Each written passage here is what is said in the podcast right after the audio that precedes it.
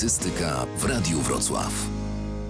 W radiowym oddziale ratunkowym dziś kilka tematów. Kolejki do szpitali i to kolejki karetek, nawet do 6 godzin.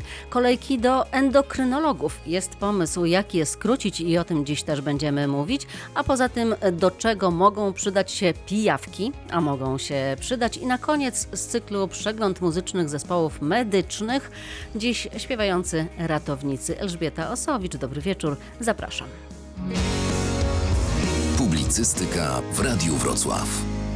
Na początek karetki w korkach przed szpitalami. Po naszych informacjach o tym, że karetki czekają na szpitalnych podjazdach do 6 godzin nawet otworzyła się lawina komentarzy. Ratownicy, lekarze, pacjenci zgłaszają swoje uwagi. Powołują się m.in. na Poznań czy Kraków, gdzie takich zatorów przed sorami nie ma. Dlaczego we Wrocławiu są? We Wrocławiu właśnie szczególnie.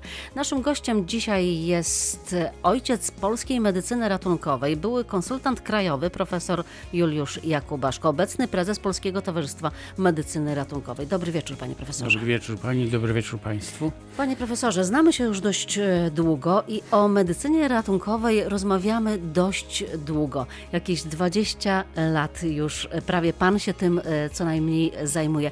Czy pan sobie tak wyobrażał działanie systemu medycyny ratunkowej. Tutaj skupmy się na, tych, na tym, co się dzieje właśnie na SOR-ach. Czy to tak miało wyglądać? Czy to pan sobie tak wyobrażał? Oczywiście, że miało to wyglądać inaczej.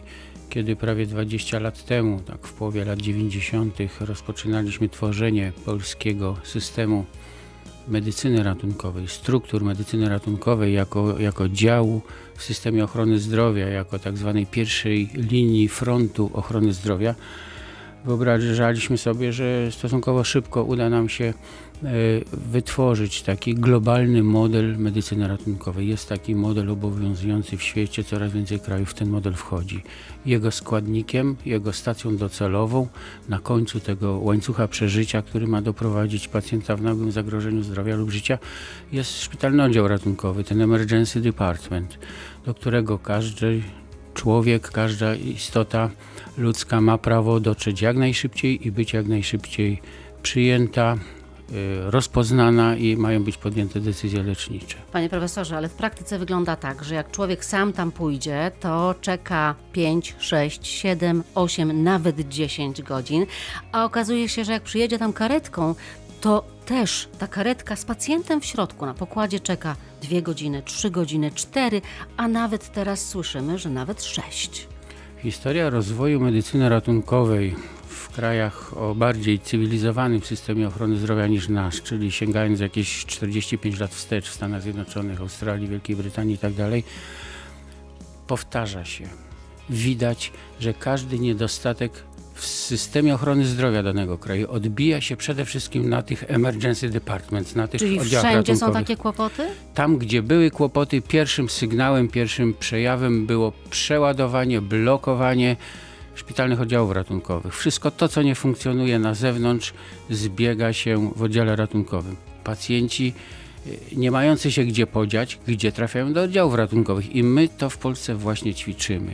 Niedostatek podstawowej opieki zdrowotnej, niedostatek struktur lekarzy rodzinnych, niedostatek struktur nocnej świątecznej pomocy odbija się w oddziałach ratunkowych, niedostatek informacji medycznej. Pacjenci nie wiedzą, jak się zachować, kogo zapytać y, w jakimś nagłym y, stanie, w jakimś nagłym zagrożeniu, którego doświadczają no to jadą do oddziałów ratunkowych albo wzywają karetkę, żeby ich tam zawieźć. Gdzie indziej, w takich cywilizacjach jak brytyjska, jak amerykańska, są systemy tak zwanej informacji medycznej, telefonicznej informacji medycznej. My o to walczymy od szeregu lat, gdzie można zadzwonić, gdzie można porozmawiać z kompetentną osobą, która w odpowiedni sposób odbierze od nas no, wywiad no, ale tutaj, i panie powie, profesorze... jechać do oddziału ratunkowego, czy nie jechać. Ale panie profesorze, przecież tutaj też jest tak, że jest ten dyspozytor. Jak dzwonimy na te 112 albo na 999, to tam też zgłasza się dyspozytor, z którym można porozmawiać i można zapytać go, co robić. No tak, ale chodzi o to, żeby tego dyspozytora oszczędzić. To nie jest zadanie dla dyspozytora informacja medyczna. Dyspozytor ma być zogniskowany na stanach nagłych zagrożeń. To powinno być wcześniej przeselekcjonowane, przecedzone przez jakiś system informacji medycznej, którego u nas nie ma. Panie profesorze, może zacznijmy od e, tego, jak wygląda teraz sytuacja z pogotowiem, które krąży po mieście albo też nie jeździ jak powinno jeździć do chorych, tylko właśnie czeka na podjazdach e, przed szpitalnymi oddziałami ratunkowymi. Posłuchajmy na początek zastępcy dyrektora Wrocławskiego Pogotowia Ratunkowego Andrzeja Czyrka. Sięgają one niekiedy nawet do 14% naszej dobowej gotowości. I Więc jeżeli sobie wyobrazimy, że my mamy codziennie 40 ambulansów w obszarze dawnego województwa wrocławskiego, które wystawiamy dla zabezpieczenia nas jako społeczeństwa, to 5,5 ambulansu stoi, że się tak wyrażę, non-stop w szpitalu w związku z przedłużonym czasem przekazywania pacjentów w szpitalach. Jeden z przykładów w szpitalu wojskowym. Ten przykład, y, no ten przykład był już wyjątkowy, stąd pozwoliłem sobie wystąpić y, do, do, do, urzędu, do Dolnośląskiego Urzędu Wojewódzkiego z prośbą o interwencję. Tam ambulans, który pacjentkę y, przywiózł do, do tego szpitala o godzinie 14.10, to szpital przejął opiekę nad pacjentką dopiero o godzinie 20.00. Czyli ile to czasu? W tym szpitalnym oddziale ratunkowym ten szybki czas interwencji ratunkowej wynosił blisko 6 godzin, dokładnie 5 godzin 50 minut. I nie pomagały nasze interwencje. Ta karetka przez 5 godzin 50 minut stała niewykorzystana, ale, przepraszam, stała i personel sprawował opiekę nad pacjentem. Opiekę tą powinien sprawować personel szpitalny, nie nasz. To jest to, o czym mówiłem, pani redaktor, że jest to nieuzasadnione wykorzystywanie personelu ratownictw, Państwowego Ratownictwa Medycznego